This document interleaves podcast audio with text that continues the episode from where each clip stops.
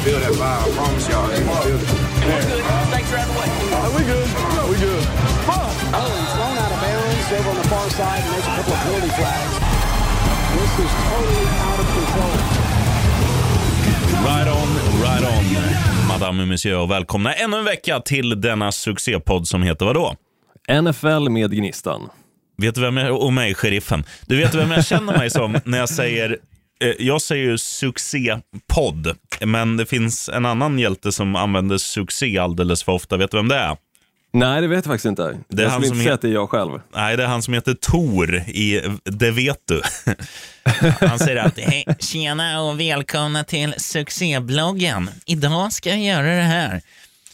Jag, jag märker ju att det är det du får inspiration ifrån, såklart. Ja, nej fy fan. Men ehm, eh, de, de andra två tycker jag är rätt roliga. Han, eh, ja vad heter han? Johan Sungen. Nej, Sunken heter han. Leif Sunken Sundqvist. Och, eh, och Krille den andra. Han, de är ganska kyliga. Men den andra känns lite träig. Men nu ska vi inte snacka om Det vet du. Som har gjort Nej, eh, det ska vi definitivt mållåten till Sveriges eh, Juniskronor. Eh, som Mm. fick spela två matcher innan JVM sköts upp. Utan vi ska snacka om NFL, Olsson. Det stämmer, det stämmer. Det var ju wild, eller super wildcard weekend var det till och med i helgen som var och vilken helg ändå. Alltså, det var väl kanske inte de skrällarna man hade liksom hoppats på och att få se och inte heller kanske de tajtaste matcherna i samtliga av dem. Eh, men några av matcherna blev ändå ganska tajta och roliga att kika på. Några var desto sämre, men jag tänker vi, vi drar väl igenom hela helgen som var bara och säger det positiva och det negativa. Eh, och såklart lyfter de lagen som också vann, det vill säga. Ja, vi, vi kör väl liksom eh, i kronologisk ordning och inleder i Cincinnati där Bengals vann första slutspelsmatchen sedan mobiltelefonen uppfanns. Typ. Eller ja, Ja, innan 30? sms hade skickats. Så jag tror det var 1991 eh, så vann de senast en slutspelsmatch. 1992 skickades första smset. Ja, du ser. Eh, nej, men det var ju det var jävligt kul för, eh, för Bengals och det kändes ju som att de var ju sin egen värsta fiende i den här matchen mot Las Vegas. För att eh, Bengals har ju visat i år att man är ett, ett bra lag så länge man gör jobbet. Och, och Joe Burrow, han, alltså, det var ju någon som sa där redan efter första spelet att det känns inte som att, han är som en teflonpanna, så det känns inte som att han, han förstår inte att det är slutspel. Han tror att så här, ja, det är vilken, eh, ja, vilken dag som helst i veckan. Liksom. Han, han såg ut lika bra som han har gjort merparten av säsongen. Och, och har man en, en Joe Burrow eh, som är i form och sen Jamar Chase som gick upp mot, vad heter han den där sopan som, eh, som markerar honom? Desmond Trufant heter han va? Mm, ja, det kan det vara. Mm. han är ju, ja ursäkta Olsson, men han är ju sämre än dig. Om Ja, du alltså hade det- liksom haft den positionen. Jag hade ju den positionen också. Jo, jag men körde inte- ju cornerback. Nej, Men, jag, men inte, jag inte. Raiders. Nej. men de kanske skulle ha plockat in mig istället i just den här matchen. Det kanske hade gått bättre, vem vet. Ja. Men det som också måste tilläggas med just Joe Burrow och Jamar Chase är ju att bägge var ju med i LSU-laget som vann eh, National Championship i college då. Så de är ju mästare i grunden och de har ju alltså funnits med i mästarlag. Så att de hamnar i Bengals som såklart eh, är långt ifrån ett mästarlag med tanke på hur lång- länge sedan det var de faktiskt vann en slutspelsmatch, har aldrig vunnit en Super Bowl heller. Eh, Men med det sagt så känns det som att de verkligen bidrar med den här mästarkulturen. Eh, Och det tycker man såg i den här matchen. Bägge Ja, levererar på en absolut. hög nivå eh, och, och det kändes som att bägge var också lugna i, i det skedet att det faktiskt var en slutspelsmatch kontra vissa andra lag och vissa andra spelare som man såg under helgen som var. Mm. Eh, det man ska säga också tycker jag om, om den här matchen, det var ju, jag tycker det är så jävla häftigt med amerikanska fans. att Alltså de, de kan visa, eh, nu har jag själv aldrig liksom varit med om en, liknande situation så jag kanske hade reagerat likadant. Men när slutsignalen går och de bara liksom bjuder en på, på godis i form av läktarbilder. Alltså jag blir, jag blir typ kär i Cincinnati Bengals för att deras fans är så överlyckliga. Jag tycker sånt är så jävla härligt. Jo men alltså det är klart man blir överlycklig. Alltså det är en annan sak exempelvis New England Patriots. Alltså de var ju vana i dynastisammanhanget eh, då liksom att vinna slutspelsmatcher. Det var liksom ingen bragd att vinna en, en wildcard-match heller. Men just för Cincinnati Bengals att bryta den där sviten gör ju så extremt mycket. Eh, och för hela staden, fanbasen eh, och, och närliggande liksom städer också för den delen. Alltså jag kan ju tänka mig att barn exempelvis i närheten av Cleveland med tanke på att det är ändå samma eh, samma delstat då, kan ju kanske börja kika lite mer på, på Bengals än just Cleveland. Eh, så, så, att det kanske faktiskt drar ögonen till Bengals nu istället. Så, så det, ju, det, det, blir ju en game changer när du faktiskt går och vinner slutspelsmatcher. Så är det ju. Mm. Och medgångssupportrar tycker jag inte. Men eh, jag, jag vill också innan vi ja, lämnar den här matchen. Barn. Jag pratar om barn här. De ja, kan man barn. inte definiera som medgångssupportrar kanske. Barn kan man absolut göra det. De är värst av alla. Du, jag vill göra så här också. En applåd till eh, Las Vegas Raiders för deras säsong. För att eh, de har ju ändå tagit sig till slutspel.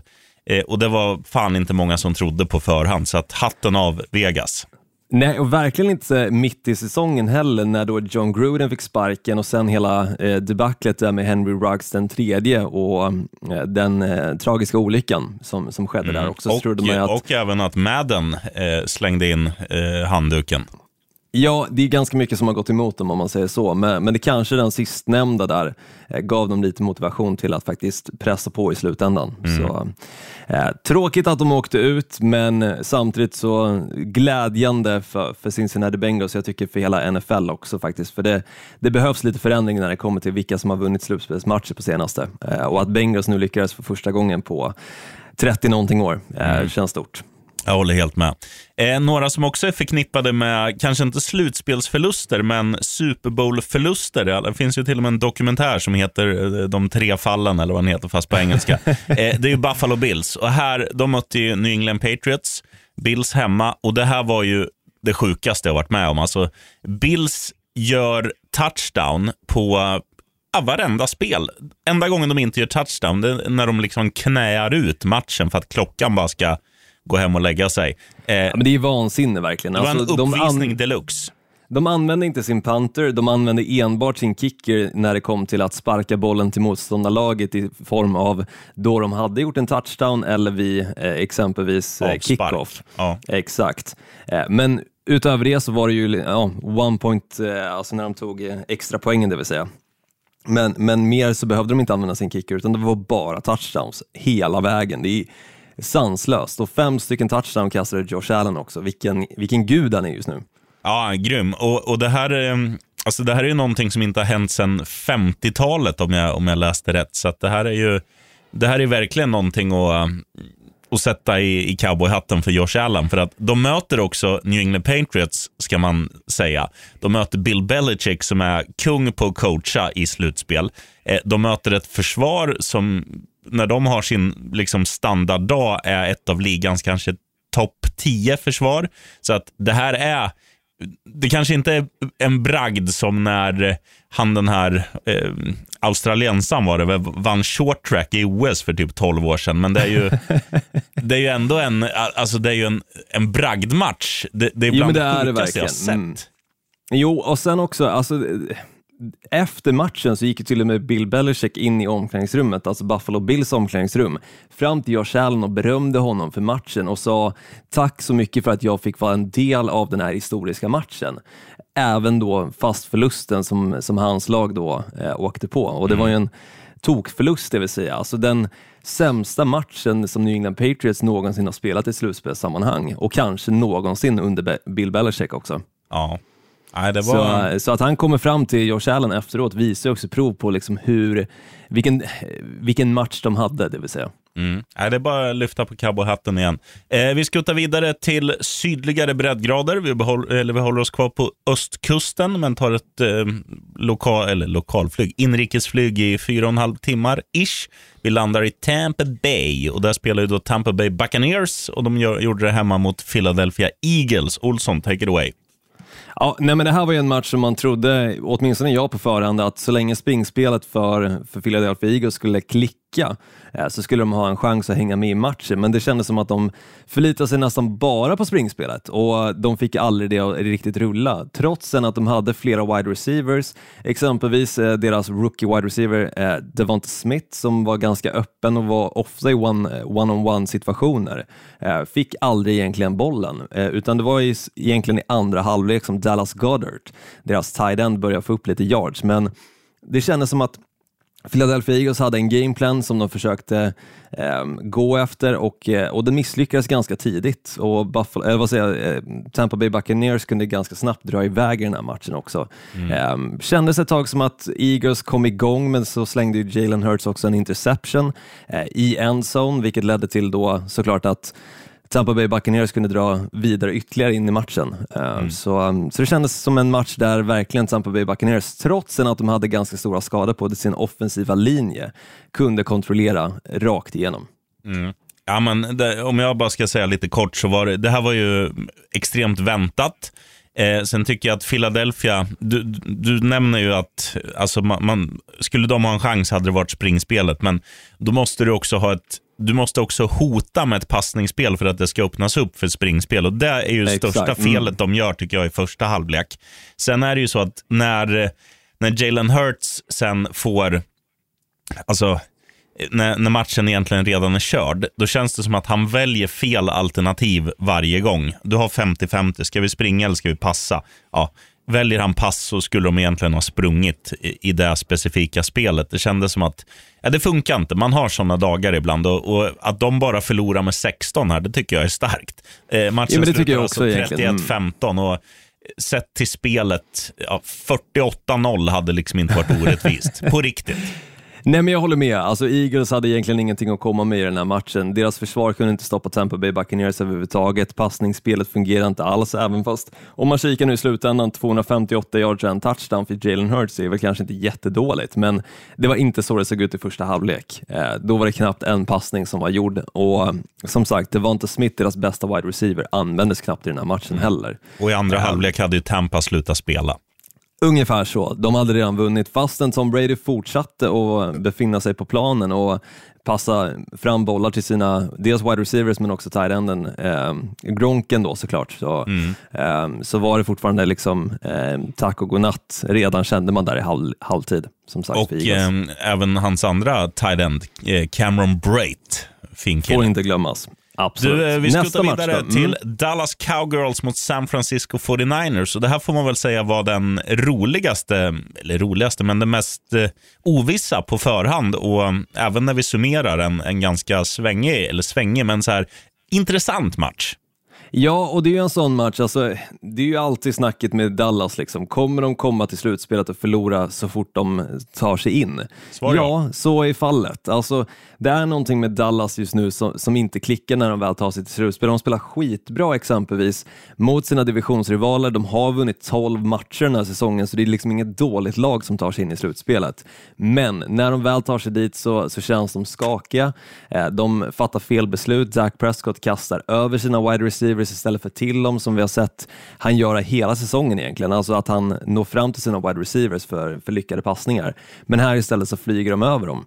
Eh, eller att han kastar för långt och, och de inte har en chans att fånga dem. Mm. Och, och Ezekiel Elliott, eh, Tony Pollard, deras två running backs får inte heller igång springspelet, så någonstans där så känner man ju verkligen att 49ers kan liksom kontrollera den här matchen ganska stabilt. Och visst, hade nu inte Jimmy Garoppolo slängt en interception där så, så hade den här matchbilden också sett väldigt annorlunda ut. Det hade inte kommit ner till sista spelet. Ett sista spel som också är extremt debatterat, varför de just valde att köra en quarterback draw eh, istället för att exempelvis passa två försök till en zone, vilket de hade klockan eh, för att kunna göra, men, mm. men valde istället alltså springa med bollen. Eh, Dak Prescott alltså behöll den. Eh, de tog sin x antal yards men lyckades inte stoppa klockan eh, utan eh, själva domaren då som måste nudda bollen eh, var ju extremt långt ifrån också, vilket är också någonting som har debatterats lite eh, och ifrågasatts varför han var så pass långt ifrån. Men samtidigt, jag antog att den domaren visste förmodligen inte ens att de skulle springa med bollen och hade väl inte ens en villaste tanke på att de skulle göra det.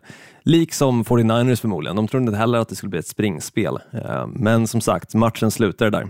Eh, och tragiskt för cowboys, men ganska väntat också. Ja, för så här, man kan inte bara gå på att, att Dallas är ett sånt lag som, som ofta går till slutspel och, och förlorar. Eh, utan jag tycker man ska hylla San Francisco istället för att de visade ju sista veckan där när det var do or die, när de, eh, det var väl Rams de mötte borta. Eh, mm. Då visar de ju att ja, vi har i slutspelet att göra. Eh, och tittar man liksom nu på hur de lyckades i den matchen. De var ju körda, i, låg under med 17-0 i halvtid. Men de tog ju verkligen med sig spelet från andra halvlek in i den här fighten. Och liksom, det, var ju, det var en copy-paste på, på gameplanen mot Rams kändes det som. Väldigt mycket Debo och um, då, ja, har han en bra dag så, så är ju 49ers väldigt svårstoppade. Eh, och sen när de, när de liksom minimerar misstagen och som du säger, låter Dallas, liksom running backs kommer ju inte in i matchen och då blir Dallas ganska enhövdade och då, är de lättstoppade. Liksom.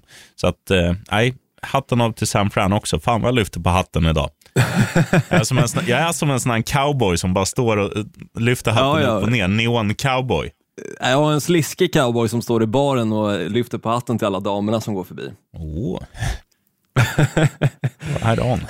Ska vi kliva över till nästa match då? Lite, lite cowboy-feeling apropå eh, vad vi precis pratade om. Eh, Chiefs Steelers har vi. Vad har du att säga om den? Hur får du det till cowboy undrar jag först, bara innan jag tar vid? Ja, jag tänker på Kansas. Lite cowboy-feeling i, eh, i den regionen åtminstone. Ja, de, de rider väl en hel del där, så att visst, jag, ja. jag, jag mm. köper det. Nej, men här var väl, det här var väl egentligen den mest väntade tillsammans med Tampa Bay innan. Liksom. Det här var ju det här var ju ett topplag mot ett lag som har någonting, men inte... Alltså, eh, jag säger så här, skulle den här matchen, skulle de spela 100 matcher, skulle Kansas City vinna 98 mot Pittsburgh. Ja, det eh, tror jag också. Alltså, de, men däremot Kansas som sov ju första halvlek nästan. Alltså, visst, de fick ju upp 21 poäng eh, på tavlan i andra, andra kvarten, men mm. åtminstone första kvarten var ju bedrövlig från ja, Kansas sida egentligen. Men det, ja, men det riktigt trötta. Mm. Det är ju en sån här typisk grej, alltså när, när du själv... Alltså, jag tror ju att framförallt de här lagen som har gått långt. Alltså Kansas City har varit ett, ett proven topplag nu i senaste tre, fyra, fem åren. Eh, och då är det så här, du känner när, när du spelar hemma på Arrowhead mot ett, ett Pittsburgh som är ganska dassigt. Alltså, även, om, även om du inte tänker så här, ja ah, fan, nu, eh, nu ska vi ge 110 procent, så, så blir det att du kanske ger 80 och sen när du märker att Jaha, vad fan, vi spelar jämnt med Pittsburgh om vi ger 80. Vi ger, vi ger 100 en kvart, sen gör de 21 pinnar och så är matchen avgjord. Liksom. För att det, det, som händer, det är ju så här att, jag vet inte hur man ska förklara det, men, men den här, det, det finns ju all typ av sport. Alltså det är väldigt sällan du ser ett lag vinna med, om vi bara multiplicerar 21 gånger 4, eller gångar, det är inte, eller heter det multiplicera? Det heter det. multiplicera, 21. Det blir alltså 42 gånger 2, det är 84. De skulle teoretiskt kunna vinna med 84-0 en sån här match, om de gör tre väldigt bra halvlekar. Men det funkar ju inte så. Det finns aldrig några lag som, som har den geisten, utan så här, okej, okay, vi leder, vi slappnar av lite, vi, vi, tar in, vi tar in det här, vi njuter, vi, vi testar något spel som kanske inte är det, det mest eh, safea, liksom. man, man latchar lite. Man, man slappnar av. och det är tråkigt visst att, att det är slutspelat för Big Ben och sådär, men det var ändå kul att han fick göra en sista match här efter den där mirakelövertidsvinsten i, i sista grundseriematchen. Eh, ja men verkligen. Mm. Och um, Jag, jag vet med. inte hur mycket vi ska snacka om honom. Alltså, det är ju så här, Pittsburgh är, de har några pusselbitar som, som, som kan göra deras framtid intressant beroende på vad de hittar för QB via draft eller via trade eller via Free Agency, att de kanske tar in ifrån eh, ja, stadsrivalen Philadelphia Eagles, att man ger eh, vår vän Gardner Minshew en eh, Steelers-tröja. Vi får se. Men eh, Kansas City Chiefs, de har absolut i slutspel, eller ja, i liksom topp 8 att göra och, och har väl en rätt okej okay chans att vinna Super Bowl också. Absolut. Det blir en spä spännande möte som vi kommer gå in på såklart mer sen, men när de möter Buffalo Bills. Eh, men vi måste prata om den sista matchen, Rams Cardinals. Mm. En, en match som på förhand man trodde ändå skulle vara betydligt mycket tajtare. Jag tror att många när de satt och gick igenom vad de trodde skulle ske under slutspelet, alltså Super Wildcard Weekend, såg den här matchen som den mest alltså, o, eh, ovissa. förhandstipp, ovissa, tack. Eh, så med tanke på att Cardinals har ju ändå spelat bra under säsongen, visst nu på senaste eh, så har de haft ganska många förluster. De inledde ju exempelvis eh, obes de... obesegrade fram till att de mötte Green Bay Packers. Ja, de var ju bäst i hela ligan första två månaderna. Ja, och sjukt nog, det här är andra gången i NFLs historia som ett lag som är det sista obesegrade laget i hela NFL åker ut i första eh, slutspelsomgången. Förra året var det Pittsburgh Steelers och i år var det eh, Arizona Cardinals. Ja, det hade jag missat helt, men intressant.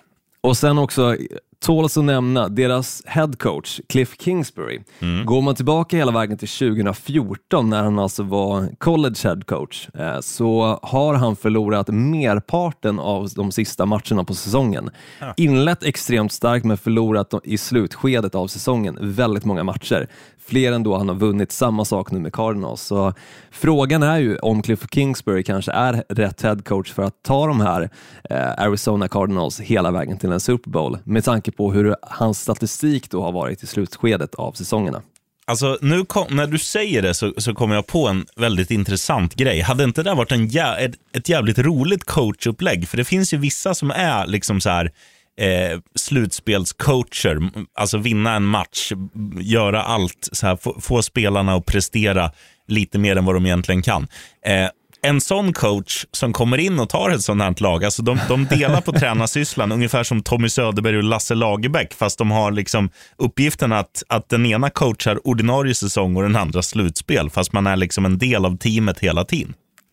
I dagsläget så kan väl säga för Arizona Cardinals del så, så känns det som att det kanske är rätt väg att gå för att precis som förra året, de var extremt starka i början på säsongen, men sen så föll de ifrån slutspelet och kom inte ens med eh, på grund av hur de avslutade säsongen. Visst, jag tror att då var det väl också lite skador som drabbade dem och samma sak i år mm. med exempelvis DeAndre Hopkins, men sam samtidigt om man har kikat på DeAndre Hopkins i år så har han inte haft jättemånga 100 säsonger han har inte haft jättemånga touchdowns matcher. heller. Matcher. Eh, 100 yards matcher, precis. Men, men Absolut. Eh, jag ska bara stoppa det där Olsson och säga så här också att statistiken, alltså hans personliga statistik är ju inte jättebra, men, men deras record när han är med och spelar kontra när han, han inte tar ju udden ifrån skillnad. ett uh, försvar såklart. För det är ju så, han gör ju skillnad. För, mm. för Krille Kirk och de här spelarna som egentligen är no names i jämförelse. Ja, och James Conner också. Mm. Måste kanske fokusera två stycken försvarare på DeAndre Hopkins och då Absolut. öppnar det upp en yta både för Callum Murray att springa men också såklart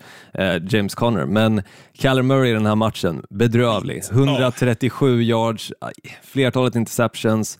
Jag vet inte vad de höll på med. Nej, men varför gör han inte det han är bra på? För han är ju bra på att springa med bollen och och är det någon gång liksom du verkligen ska visa att, att du är vass på det, då, då är det väl i, i första kvarten här och liksom sätta griller i, i Rams. Och liksom, för att om de då förväntar sig springspel mer eller mindre, eller inte varje gång, men liksom om du springer mer själv med bollen än att liksom kasta bort den, Eh, då hade, då hade det blivit en annan match. För det, det som händer nu istället, det är så här, ja, han kommer passa bollen. Det är bara, antingen säkra vi fanskapet som de gjorde när eller när man var nära att bli säkrad, man han känner så här, ja, jag vill inte bli, det blir en safety, så jag kastar bort bollen. Ja, det var till en Ram-spelare, så. Ja, fick vi sju poäng istället. Tack ska ja, precis. Ja, men så här, ja, bedrövligt. Ja, han spelar som en riktig jävla ärthjärna. Får jag säga en grej på den här matchen bara? Något som var Jättegärna. intressant. Mm. För jag satt ju och jobbade med den här och skötte då eh, så att ni som satt och tittade fick bild och ljud ifrån Amerikat. Och Det som var så intressant det var att de hade då en amerikansk äh, skripta, heter det, som jag sitter mm. och lyssnar på. Hon säger “Okay, we have a commercial break in 3, 2, 1” och sen ska man skjuta då. Och sen efter ett tag, då kommer det in, hon pratar då, man hör henne ganska lågt. Mm. Och Sen kommer in två herrar som snackar mahle, mahle, mahle, sånt där språk som jag inte vet vad det heter. Eh, och de pratar jättehögt. Så i tredje korten så hör varken jag eller de andra liksom, eh, kameragubbarna och sånt, hon skriptan, för att de där andra grabbarna har liksom rattat in, förmodligen rattat in fel frekvens på någon walkie-talkie eller något. Ja, Och ja. liksom sitter och pratar. Och Äh, jag, jag, jag förstår inte att, ja, att man inte fick hjärnblödning där, för det var, det var verkligen så här, ja, de pratar konstant, de pratar jättehögt, de pratar jättefort, de pratar jättemycket och jättekonstigt. Nej, Eh, och och, samtidigt ni skulle kan inte stänga sitta av och- det heller. Nej, nej, nej. För jag Nej, var nej. tvungen att höra henne, men jag hörde inte henne. Så jag fick liksom gå på feeling och tänka så här, okej, nu känns det som att det är samma grafik som det var inför förra reklamen. Jag chansar. Och, Ja, ja. och det blev ju rätt liksom, men det var... Nej, det var Bra jobbat sheriffen. Det är fan en applåd till dig. Alltså för, för att fixa, fixa den. Alltså det känns ju som ganska tufft att liksom bara chansa in reklamerna. Visst, alltså man har ju en feeling när man ser på matchen också. Okej, nu kan jag springa och pissa. Men ibland är det de här liksom 30 sekunders pauserna, så, så då skjuter man fel så blir det jobbigt. Och jag, jag hade ju turen att det var ju bara tre långa reklambreak. Ett i halvtid, ett som var skedulerat till första och ett som var skedulerat till fjärde. Så de kunde jag skjuta. Annars var det ju bara den här eh, vi har satt eh, extra eller vad den sändes på och sen Ja, vi- är strax tillbaka och den här du, musiken som rullar. Liksom. Så det, Uff, det var... Den hatar jag. Uff. Ja, men ja, man blir lite trött på den. Ja, Kanske lite, skulle, lite småtrött. kanske skulle mixa in lite E-Type där istället, men det är inte ja, mitt problem. men nej, nej jag förstår. jag ska förstår. föreslå det om jag får chansen någon gång och, Ja. och föreslå förbättringar. Bedrövlig match oavsett för Cardinals sida. Eh, bra match från Rams. Alltså de, de hade ju stabil kontroll genom hela matchen Mm. och eh, Matt Stafford, som vi var inne på lite innan vi sk- sköt igång avsnittet här, eh, han behövde inte göra allt för mycket för att se till så att Rams vann den här matchen komfortabelt. Så är det absolut. Men en som jag vill eh, verkligen hylla, som jag tycker är skitbra utan att få cred för, i alla fall från mig. För jag, jag tror, se- alltså sen han lämnade New York så har jag väl inte sagt ett gott ord om Odell Beckham Jr. Men jag tycker att han har hittat, han har hittat formen lagom till formen behövs. Så han, Ja, men han, är ju relevant igen. Ja. Eh, och det trodde jag inte man skulle säga. Alltså visst, när han var i New York och när han kom till Cleveland så trodde man att han skulle liksom fortfarande vara den här posterboy. Men det blev ju verkligen inte så i Cleveland och han, har hittat sämst. formen igen i Rams och det är extremt kul att se. Eh, en, en tidigare toppspelare komma tillbaka till sin, sin forna form. Det är Mm. roligt. Det är lite som Emil Knutte Knutsson när han gjorde comeback i Tyresö Titans. En storspelare tillbaka. Ja, ja, verkligen. Heter de inte Royal, eh, Royal Crowns? Heter de? Jo, men vad fan. Vad fan, man kan inte rätt på heta- allting. Det är coolare att heta alltså samma, så här, ja, eh, vad säger Jag man? fattar. Samma för och efternamnsbokstav. Som, Exakt. Det är som- inte många som gör det. Det är väl typ Buffalo Bills som jag kommer på spontant. Eh, Tennessee Titans har du. Ja, men ja, Tyresö Ja. Titans. Ja, jag Eh, fattar, jag fattar. annars är det väl inga, va? Miami Dolphins, Detroit Lions, Houston Texans, India. Nej. Nej, om man, rä- om man räknar Tampa Bay Buccaneers. Ja, nej. också. Det räknas Nej, ju som. Tam Tampa Gay, precis som Green Gay Packers. Eh, du, nu gör vi så här. Nu lämnar vi det, Ja. som, det som var. Har du några frågeställningar eller skit vi ska damma av? Eller ska vi studsa in på, på matcherna som Nej, men kommer? vi kan egentligen kanske studsa in direkt på matcherna känner jag. Alltså, det känns som vi drog det mesta som var under förra helgen. Ehm, det, det som tåls att säga är väl kanske just hela situationen med Dallas. Alltså, eh, det känns som att det krävs en förändring där. Alltså, man trodde att det, nu när Mike McCarthy kom dit så kanske skulle bli en viss förändring. Dan Quinn, också tidigare head coach i Atlanta Falcons. Eh, men, men det känns som att det är någonting som inte funkar när de väl tar sig till slutspelet. Och Dak Prescott är en tillräckligt bra quarterback för att kunna leverera även i en slutspelsmatch, men Hittills så, så har han samma record som Tony Romo. Eh, tagit sig dit flertalet gånger men bara förlorat. Och, ehm, det är tråkigt att se, det är ändå Americas team, men de är, de är bra mycket sämre än vad man egentligen kan tro. De har, jag tror, vunnit tre stycken slutspelsmatcher sen de vann Super Bowl på 90-talet. Ja. Det är helt galet. Jag tror grejen med, med Dallas är ju så här också att de har, de får inte det, de matchupsen under året som man kanske behöver inför ett slutspel. Tittar man på deras division så är den ju pissdålig, i alla fall nu senaste Men de kommer ju året. alltid vinna alltså divisionsmötena och liksom ja, få... och det är det som är kul. lite bra Då har, ju. Mm. då har du ju sex enkla segrar. Så att du behöver ju typ vinna fyra matcher till för att ta dig till slutspel. Eh, och, du får inte det motstånd du behöver mot, mot de här upplagorna av Philadelphia, eh, New York Giants och Washington football team. Eh, så att jag, jag tror att de tre lagen behöver, i alla fall två av dem behöver bli bättre så att Dallas får lite mer kontinuerligt motstånd för att, alltså man, man kan inte skylla på andra heller, men så här, jag, jag tror att de skulle behöva lite mer, det går liksom för enkelt under ordinarie säsong så att de själva tror att de är lite bättre än vad de egentligen är. Medan mm. San Francisco fick kämpa in på målsnöret. Det var liksom en övertidsseger som krävdes i sista grundspelsmatchen. De kommer in med en annan hunger i den här slutspelsmatchen och också en sån här, ja, de spelar, Dallas spelar hemma, allt att vinna eller vad säger jag, allt att förlora. Eh, San Francisco kommer dit bortaplan eh, och liksom så här, ja, vi skulle egentligen inte ens varit i slutspel. Tack för att vi är här. Vi har allt att vinna. Ingen press. Gå in och gör er grej bara. Ge bollen till Debo. Han springer in den. Eh, så Jimmy Garoppolo, kasta inte bort den. Gör inte som Dak Prescott. Spring inte med den. Alltså så. Det, det blir ju det blir en annan grej för att som sagt, jag, jag tror att det går för lätt för Dallas under ordinarie säsong.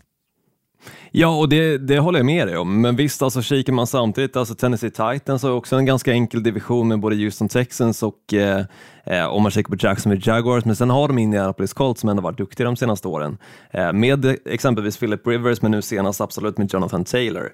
Eh, ja, och de har som inte går också att säga med Titans, nej, men det som går att säga med Titans också, de har ju besegrat lag som exempelvis eh, Kansas City Chiefs under säsongen. De har besegrat, jag tror, eh, Los Angeles Rams, eh, om jag inte missminner mig. Eh, så de har ju ändå besegrat ganska stora lag. Mm. Eh, så, så det ska man inte ta ifrån dem, att de har en enklare division så. Men det blir intressant nu, första matchen, alltså som är i divisional round som vi kliver in i nu.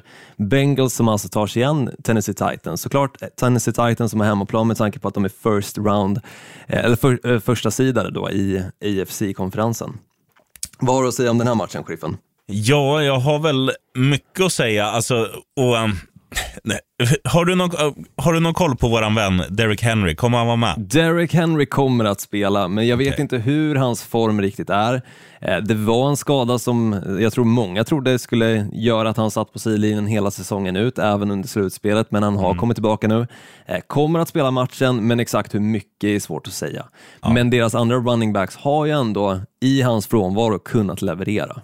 Ja, och sen, sen nu när, när Tannehill fick tillbaka sina, sina stora pjäser på wide receiver-positionen också, så blev det ju då hittar de ju ett, ett passningsspel som funkar jättebra i matchen mot Dolphins. Och Det här Absolut. är ju lite läskigt, för att jag har, sitter liksom inte på facit här. Är det gynnade Tennessee att ha vilat den här veckan?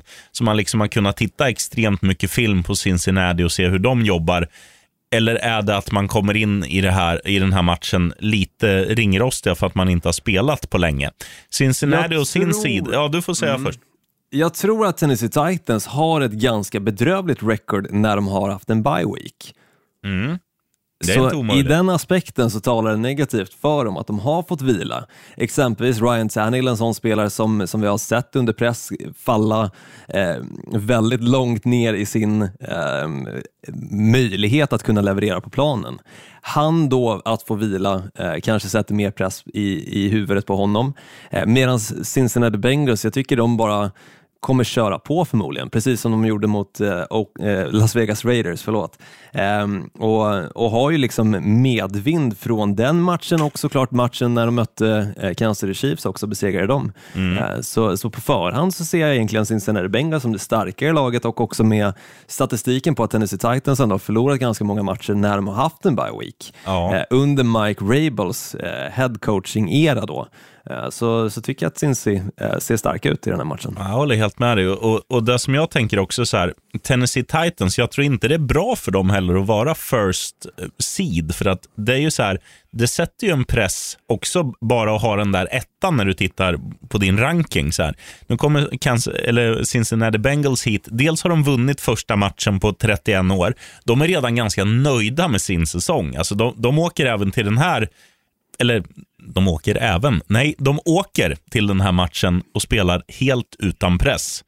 Eh, och jag, jag, tror att liksom Tennessee Titans, där är det så här, ah, fan, vi är första rankade och de är dåligt rankade. Vi, det är klart vi måste vinna. Och, och det där kan göra att man spänner sig lite. Plus, som du säger, att eh, dåliga när de har haft en bye week. Och jag tror också att, att det kan bli lite så här, tittar man för mycket film och, och liksom är mentalt i sina spel redan två veckor innan, då kan det bli att man kanske inte kan tänka om. Alltså om, om man, man märker att gameplanen går lite knackigt i första korten, liksom. kan man ställa om? Har man en plan B som funkar? Eh, kommer Derek Henry vara lika dominant som han alltid är, att han kan vinna en match på egen hand? Förmodligen inte nu när han har liksom inte spelat på två månader. Så att... Mycket handlar egentligen, skulle jag säga, om Trey Hendrickson, alltså eh, defensive end i Cincinnati Bengals. Om han kommer spela, för han blev lite banged up i matchen som var mot eh, Las Vegas Raiders där. Om han kommer spela, då tror jag att de ändå kan plocka bort springspelet någorlunda, tillräckligt mycket för att lägga bollen mer i händerna på Ryan Tannehill och det är där problemen för Tennessee Titans kommer att komma, tror jag. Ja, jag håller med. Ska vi enas, ska vi göra så här Olsson, att vi kör liksom en trippel på varje match där vi enas ja, om någonting? Mm. Det tycker jag definitivt. Och jag kan väl säga direkt, alltså en, en som jag tror kommer att ske i den här matchen, även fast jag tycker Tennessee Titans har ett stabilt försvar, så tror jag att Jamar Chase kommer att ha över 78,5 i, i receiving yards. Ja, Han har varit så bra på senaste. Då säger jag att jag tror att Cincinnati Bengals vinner den här matchen. Ja, men det tror jag också. Helt klart. Och eh, ska vi även slänga in en touchdown-spelare på den här kupongen också? Kör bara. Och där säger jag faktiskt Jamar Chase också. Jag tror att Jamar Chase är så i form just nu att han kommer inte bli en letdown. Han, han kommer att leverera även denna match, precis som mot Las Vegas Raiders. Las Vegas Raiders visste precis vilken spelare som, eh, som Joe Burrow skulle passa flest bollar till. De kunde inte plocka bort honom, jag tror inte att det kommer bli någon skillnad med Tennessee Titans. Eh, och framförallt inte med tanke på att jag tror att Cincinnati Bengals några gånger under matchen kommer att få bra field position, för att om inte Ryan Tannehill passar en interception, vilket jag tror han kommer göra, mm. så kommer Mike Rabel att välja att gå på det på fjärde försöket när de ligger under, vilket de kommer göra. Eh, och Det kommer leda till att Cincinnati Bengals har en bra eh, field position och där tror jag att Jamar Chase kommer eh, kunna plocka en boll och eh, få poäng. Och vädret i Nashville på söndag, 9 plusgrader, övervägande soligt. Så förutsättningar ja, och... för quarterbacks. Ja, det spelar egentligen ingen roll heller för Bengals, för de spelar ju ännu kallare för, förhållanden än i Tennessee då. Jo, jo, så, men om det skulle vara som om det skulle vara i Sverige här i förrgår, att det blåser orkan, då är det inte jättelätt att liksom, även om du är Jamar Chase, så plocka ner bollar. Nej, vi fick ju se en sån match, eh, Cincinnati Bengals mot eh, Green Bay Packers under säsongen då när det blåste så mycket och mm. båda kickersarna hade extremt mycket problem. Men jag väljer att nämna Packers nu för att det är nästa match som vi ska prata om, Sheriffen. Bra Olsson. Vilka möter de då? De möter San Francisco 49ers wow. och det jobbiga här är ju att Aaron Rodgers är 0-3 mot San Francisco 49ers i slutspelet. Han har aldrig vunnit mot dem och eh, jag kommer inte ihåg om han har mött dem på hemmaplan riktigt. Men nu är ju Green Bay Packers ett lag som precis som förra året var eh, första sidare även i år nu, så de, om de vinner den här matchen så har de ju eh, slutspelet i, eh, hemma hos sig, alltså på Lambeau Field. Men San Francisco 49ers, här är väl kanske vädret lite mer en faktor med tanke på att Eventuellt så kan det vara 13 minusgrader med snö på Lambo, alltså i Green Bay. Eh, något som såklart San Francisco 49ers inte är vana vid att spela vid. Eh, och framförallt inte Jimmy Garoppolo. Jimmy Garoppolo har aldrig spelat en match i minusgrader. Nej, men tittar du istället på det som händer ofta om det, om det är så att quarterbacksen får väldigt små roller, det är ju att running backsen får väldigt stora roller och då känner jag, om vi, om vi bara går på dagsform, att det är fördel San Francisco 49ers. Jag skulle också säga det, men jag tycker samtidigt att skillnaden med Green Bay i år kontra tidigare år, det är att de ändå har kunnat stoppa springspelet för många lag de har mött. Eh, och, och det kunde man exempelvis inte se den matchen då de möttes i NFC Championship-matchen för två år sedan, eh, då San Francisco 49ers totalt körde över dem i springspelet. Eh, men som sagt, Packers under den här säsongen tycker jag ändå har varit ganska duktiga i att kunna eh, sätta stopp för springspelet mot sina motståndare och jag tror att de vet också, precis som Cincinnati Bengals vet att springspelet kommer vara den största faktorn i matchen. Eh, precis som Tampa Bay Buccaneers visste det mot eh, Philadelphia Eagles, så tror jag att Packers vet det nu mot San Francisco 49ers. Eh, att kan vi stoppa springspelet så kommer det ligga i händerna på Jimmy Garoppolo och då kommer han förmodligen att göra misstag och det kommer Aaron Rodgers att ta tillvara på. Ja, eh, Ja, ja, jag, säger, jag säger varken bu eller bä, men eh, det är ju så här, lite mer så talar mitt hjärta alltid för underdogen, så att det är klart att jag Ja, på men såklart, Sam mitt hjärta pratar ju. Men ett, ett spel som jag kastar in i den här lilla leken, det är att jag tror inte att det blir en cross, från, även om Packers möjligtvis vinner. Det finns ju Mm. ett eh, handikappspel där du kan spela plus 7,5 på gästande San Fran. Eh, plus 7,5 till 1,60. Jag tycker ändå att det är ett ganska, ganska okej odds. Men det tycker jag också. Alltså, det är väl springspelet som kommer att se till så att poäng kommer upp på tavlan för 49ers. Eh, så, och jag tror att även fast Green Bay kanske kan kontrollera springspelet någorlunda så tror jag fortfarande att de kommer plocka tillräckligt många yards för att ta sig ner på planen och kunna göra poäng. Eh, men jag tror inte att de kommer kunna göra det tillräckligt mycket för att faktiskt vinna matchen. Så jag skulle också slänga in att Green Bay vinner den här matchen. Och eh, TD-spel, TD-spel på den här känns väl mest givet att säga Devante Adams. eller en viss... Eller en viss Aaron Jones skulle också. Debo Samuel kanske, Ja, när man var- pratar springspelet. Det var det väl- han du ville. Ja, det känns, som ville att, komma till. Mm. det känns som att han är hetast i hela ligan nu. Men det kanske Så är Green Bay har... vinst. Eh, Ja, eh, men, plus- Fast inte med för mycket, utan eh, plus handikapp då på San Fran 7,5. Mm. Och en eh, TD på antingen Debo Samuel eller Devonte Adams. Då. Ehm, så där får du välja lite fritt hur du vill lägga kupongen själv. Men jag skulle också säga det att eh, kikar man på den här matchen på förhand så, så har ju det ena laget blivit starkare med tanke på att de har fått tillbaka spelare, alltså jag pratar Green Bay Packers. David Bakhtiari är tillbaka, deras försvar har ju fått tillbaka några spelare.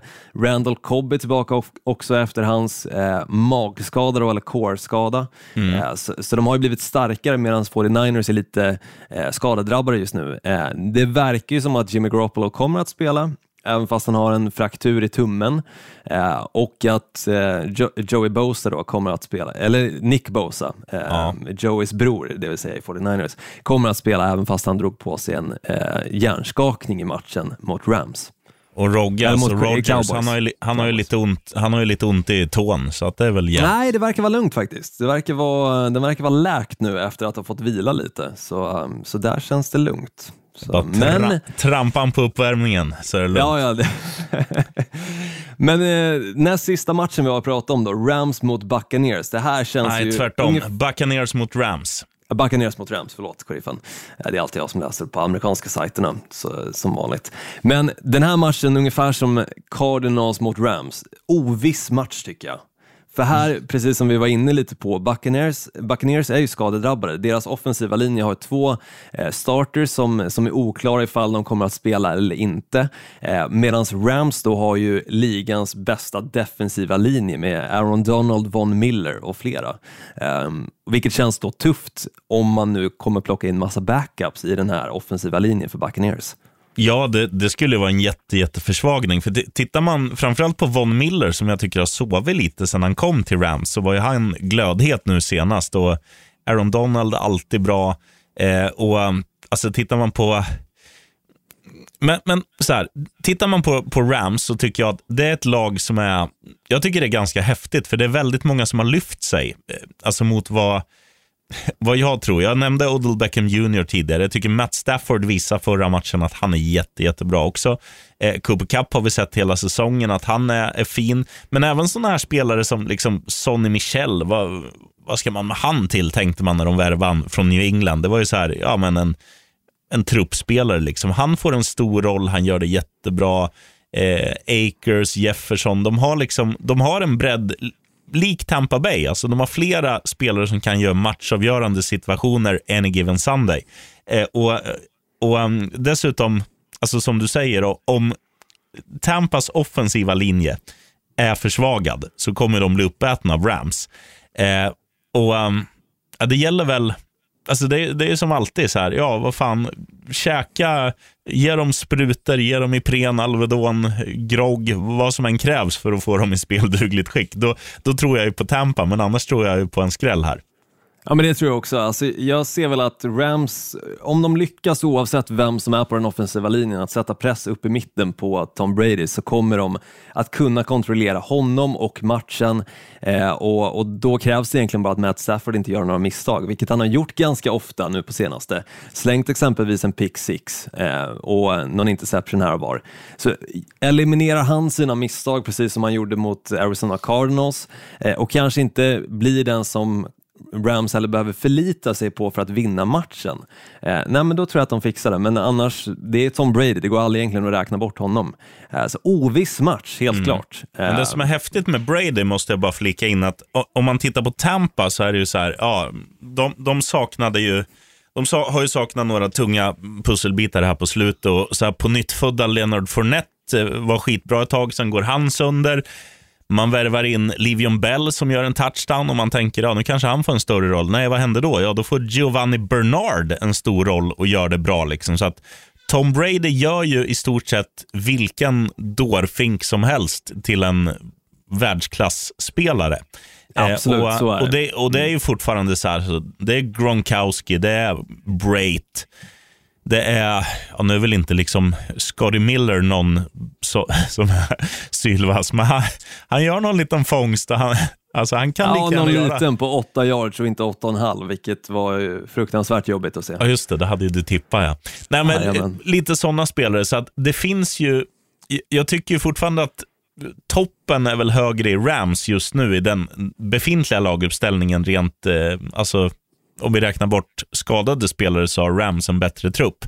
Men quarterbacken är ju alltid den mest avgörande. Och det är hemmaplan, mm. det är hemmaplan för Bucks. Men jag säger så här Olsson, jag tycker vi kör på ett överspel här. Jag är osäker på det, för det är just försvaren som jag tycker känns som, som liksom pluggen för, för bägge lagen egentligen. Alltså att de kan plugga igen matchen och få den att bli ganska mål, eller poängsnål det vill säga. Eh, så jag skulle nog istället vilja säga plus 4,5 på Rams, vilket är då eh, strax över ett field goal. Eh, men, men jag, tror att, jag tror att de kan ändå hålla matchen tillräckligt tight för att den ska gå in. Eh, ja, nej, men det kan vi enas om. Jag säger, jag säger Rams, alltså så här. Hade jag fått en bullet to my head så hade jag nog svarat Rams och det är fyra och en halv plus på dem ännu bättre. Så att det tar vi. Absolut, men vi kan köra plus fyra och en halv på Rams sen ett överspel också. Kanske 45,5 poäng eh, över det till 1,64 gånger pengarna. Så, så där börjar man bygga en relativt bra trippel. Mm. Och Eh, Eh, touchdown då. Vi kan väl göra så här, med tanke på att Rams kommer förmodligen vara ganska fläskiga där mot, eh, alltså jag tänker Gio Bernardo och de här, så att det kommer bli passningsspel på Brady. Han har ju en, en som han tycker om att passa ganska mycket. Han, han heter Gronk och Gronk är ju bra när det, i såna, den här typen av matcher. Han tänder ju till extra, så att jag tror att Gronk gör en touchdown. Ja, och för att eh, spä på lite ytterligare varför jag också tror att Gronken kommer vara den som kommer göra en touchdown i Tampa Bay Buccaneers, så säger jag Mike Evans kommer att ställa sig mot Jalen Ramsey, ligans absolut bästa cornerback. Ja. Eh, så med det sagt så kommer kanske Mike Evans roll i den här matchen att bli ganska limiterad och det kommer öppna upp för Gronkowski, så absolut, en TD på Gronkowski, tycker jag. Då har vi sista matchen då och jag säger den nu så att det blir i rätt ordning. Det är Kansas City Chiefs mot Buffalo Bills. Yes, stämmer. Eh, på förhand skulle jag nog säga att eh, det här är väl den matchen nu som kommer att spelas i helgen som är, som, som jag tror kommer vara den absolut roligaste att se. Eh, det här kommer bli en blowout utan dess like. Alltså, både Josh Allen kan kasta upp poäng på tavlan, såg vi mot New England Patriots som har ett bra försvar. Eh, och såklart samma sak med Patrick Mahomes som, som mötte Pittsburgh Steelers nu senast. Och samma sak där, de har ett bra försvar men quarterbacken gör så att försvaret ser obefintligt ut. Eh, så det kommer att bli mycket poäng i den här matchen. Jag tror att linan ligger på över 54 pinnar och det tror jag att det kommer bli. Ja, den är ju bara att såsa in. Det här är, här är ju klart, det blir poängfest så länge inte eh, liksom moder natur eh, vill annat och, och ger oss något riktigt i alla pissväder. Ja, ja men verkligen. Men, men sen tycker jag också att just quarterback-mötet i den här matchen känns också på förhand som det absolut roligaste. Så sitt uppe och se den här matchen, det är bara det jag rekommenderar. För det här hade lika gärna kunnat vara en Super Bowl-match. Alltså, det här mötet är ett möte som vi kommer få se i decennier, kanske inte riktigt, men åtminstone tio år till framöver. Det är ju Josh decennier, Allen, Olsson. Jo, det är ett decennium åtminstone, inte decennier som i plural. Okay. men, ja, men, men vi kommer få se det i tio år framöver. Just Josh Allen tar sig an Patrick Mahomes och Kansas City Chiefs. Alltså, just det här också med att Stefan Diggs stod förra året på AFC Championship-matchen, såg på Kansas hur de firade sig eh, att, kunna, att de skulle till ytterligare en Super Bowl och, och kände bara att jag vill vara där. Mm. Jag vill ha den känslan, jag vill vara en av de som firar. Eh, men jag vill att det ska vara med mitt lag, Buffalo Bills. Och nu möts de igen och det känns som, som ödet nästan, att Stefan Diggs ska få det här igenom. Eh, så med det sagt och med hur Josh Allen spelar så, så ser jag lite fördel faktiskt Buffalo. Ja, jag säger väl så här, det, det finns en annan hunger i Buffalo Bills och, eh, och lite likt, alltså vad ska man säga, li, lite likt eh, samma argument som, som jag hade med, med Tennessee Titans, det här med liksom att vila sig i form. Jag tror att det kan vara en, en, en grej som inte är bra för Kansas City Chiefs, utan jag, jag tror Buffalo mår bra, framförallt när du, när du på liksom senaste månaden, om du har tittat, alltså de två senaste matcherna mot Patriots framförallt, har de ju varit helt fantastiskt bra. Eh, och nu kommer man till Kansas City eh, som lite underdog. Jag tror att det passar dem ganska bra i den här matchen. Alltså de, de, de kommer gilla läget och Kansas City Chiefs kommer, kommer säga att ja, men fan, vi slänger upp minst 45 poäng varenda match. Det är inte säkert ni gör det mot ett hungrigt Buffalo Bills som dessutom är bra defensivt. Eh, så att, nej, jag, jag skulle nog kunna enas om att, eh, att Buffalo kan få... Buffalo, ja, Ja, men om man slänger in plus 3,5 till en 68 gånger pengarna och så kör man över 54 poäng, då har man tre gånger pengarna eh, på bara det bettet på en dubbel. Men vi ska ju såklart ha en liten trippel här, så ett spel på vem som gör en TD också, sheriffen? Var jag säger ju, alltså Josh Allen gör ju touchdown varenda match. Han, han, har ju fattat, alltså det är det som man har märkt, tyckte jag, eller tycker jag, på hans statistikrad. Det är att när han gör allt, egentligen. Visst, han passar Steffe ibland som gör en TD. Men så här, alltså, titta på hur han har agerat, framförallt mot eh, alltså matcherna mot Patriots. Det är så här, okej, okay, vi har läge att springa med bollen. Jag springer med bollen, för då vet jag att det blir touchdown. Han kommer ha samma feeling här och göra TD. Ja, men jag tror det kommer att vara trickplay faktiskt. Jag tror det kommer att vara trickplay där Josh kommer att eh, springa ut ifrån fickan och få bollen levererad ifrån antingen Stefan Diggs eller någon annan eh, och med det göra en touchdown. Så jag tror också Josh Allen fixar en mm. TD. Och vill man, ha, vill man ha någon som ger bättre odds, då kan man väl spela på Knox kanske. Han är ju, också, han är ju en av favoriterna eh, när Allen väl passar bollen i, alltså just när man är nära touchdown-området. Stämmer. Jag tycker dock att, alltså, just kikar man Buffalo Bills och, och, vilka de har alltså i sin trupp så känns det som att vem som helst egentligen kan göra en touchdown. Vi har Devin Singletary som nu slutet på säsongen äntligen har fått den rollen som man ville se honom i. Alltså att han får fler carries, han får chansen att ta massa yards och det gör han också. Eh, Stefan Diggs är väl egentligen den enda som har varit ganska osynlig, men jag tror att Stefan Diggs kommer ha en stor roll i den här matchen just av den motivationen som han kommer komma in i på grund av det han fick bevittna under förra AFC Championship-matchen. Så jag ser verkligen bara fördelar Buffalo. Eh, mm. Uh, och Det kommer säkert bli en överkörning bara för att vi sitter och säger det här uh, mot Buffalo då, så att Kansas bara drar ifrån och vinner. Men vi får väl se. Jag, jag, magkänslan är Buffalo tar sig till AFC Championship-matchen uh, och, och därifrån får vi se vad som händer. Alltså deras, men det är kul med båda de här lagen att båda var man ju lite så här för om vi backar bandet fem sex veckor kanske, att nej. Men då vaknar liksom Kansas Citys försvar vakna och Buffalos allt vaknade. Så att ja, men verkligen. Det, det, är två lag som har hittat formen. Likt San Francisco som jag gaggade om förut. Att de, de, har liksom, de har kommit in rätt i det här slutspelet. Att, att man liksom fick vinna sista matchen. Det var ju samma pryl med Buffalo Bills. Alltså de, de spelade ju för divisionssegern som länge såg ut att gå till New England. Sen möter de New England, kör över dem, tar divisionssegern, liksom konserverar den matchformen till slutspelet. Gör, gör samma pryl igen fast på hemmaplan. Eh, Kansas City Chiefs har ju liksom haft ja, första, vad säger man, första sidan att spela för, så de har ju också varit motiverade. Eh, och liksom hållit en bra form senare delen av säsongen. Så det är två lag som är, ja, men som är så bra som de kan vara och det ska bli jävligt kul att se det här. Ja, men jag håller med. Alltså, jag tycker divisional round, alltså med de här åtta lagen som möts, alltså, det kommer bli spännande matcher, det kommer bli kul. Jag tror inte vi kommer få se riktigt någon alltså, total överkörning från, från något lag. Eh, men det är också det som är roligt, det kommer bli tight. Det, det kommer förmodligen bli lite nagelbitare här. Eh, men jag måste ändå ställa frågan till dig, sheriffen. Av de åtta lagen som är med i divisional round, vilket ser du som det laget som absolut inte eh, eller som har minst chans rättare sagt att vinna Super Bowl i år? Oh, intressant question. Alltså om jag säger så här. Eh, fan, jag säger Tennessee Titans. Minst chans. Minst chans Tennessee Titans med first, eh, första sidare då i AFC. Ja, ska jag ha en, lämna en jättesnabb motivering så är det så här att jag tycker att de har den sämsta QBn av samtliga åtta lag som spelar. Eh, de har också det mest ovissa, eller den mest ovissa offensiven för att du har inte den här tryggheten i att, att Derrick Henry är så bra som man kan vara eftersom att han har varit skadad. Han har inte spelat mm. på jättelänge. Hur mycket kan man belasta honom? Eh, så att, och, och, det känns också som att det känns som att man, man, säger ju så här, det sitter i väggarna och det finns ju några så här, Green Bay Packers, det sitter i väggarna att de alltid är bra. Tampa Bay när de fick Brady, det sitter i väggarna, Brady är alltid bra. Kansas City Chiefs, sen Mahomes kom dit, sitter i väggarna, de är alltid bra.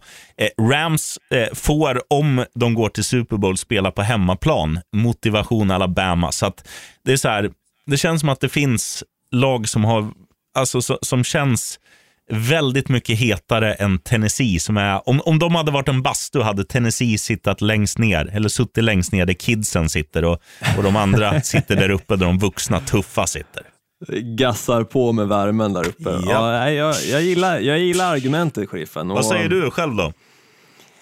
Det står faktiskt mellan Tennessee Titans eller, jag skulle säga San Francisco 49ers på grund av lite skadesituationen och sen också quarterback-situationen även där. Jimmy Garoppolo är ett problem. Jag ser visst att han gjorde kanske mindre misstag i matchen mot cowboys nu, men han gjorde ändå en interception. Mm. Eh, och i slutspel så brukar oftast turnovers vara anledningen till att du förlorar matcher. Och jag ser inte honom som liksom tryggheten och stabiliteten till att kunna vinna en Super Bowl. Så jag säger att även om 49ers nu lyckas besegra Green Bay Packers eh, så kommer de i så fall att få möta Buccaneers eller Rams eh, och i det fallet så tror jag att de förlorar NFC Championship-matchen för att Buccaneers kommer att köra över 49ers. De kan stoppa springspelet, det såg mm. de mot Philadelphia Eagles och Rams de kommer inte åka på två förluster mot 49ers på raken. Um, så, så jag ser 49ers som det laget som inte kommer ta sig dit och vinna.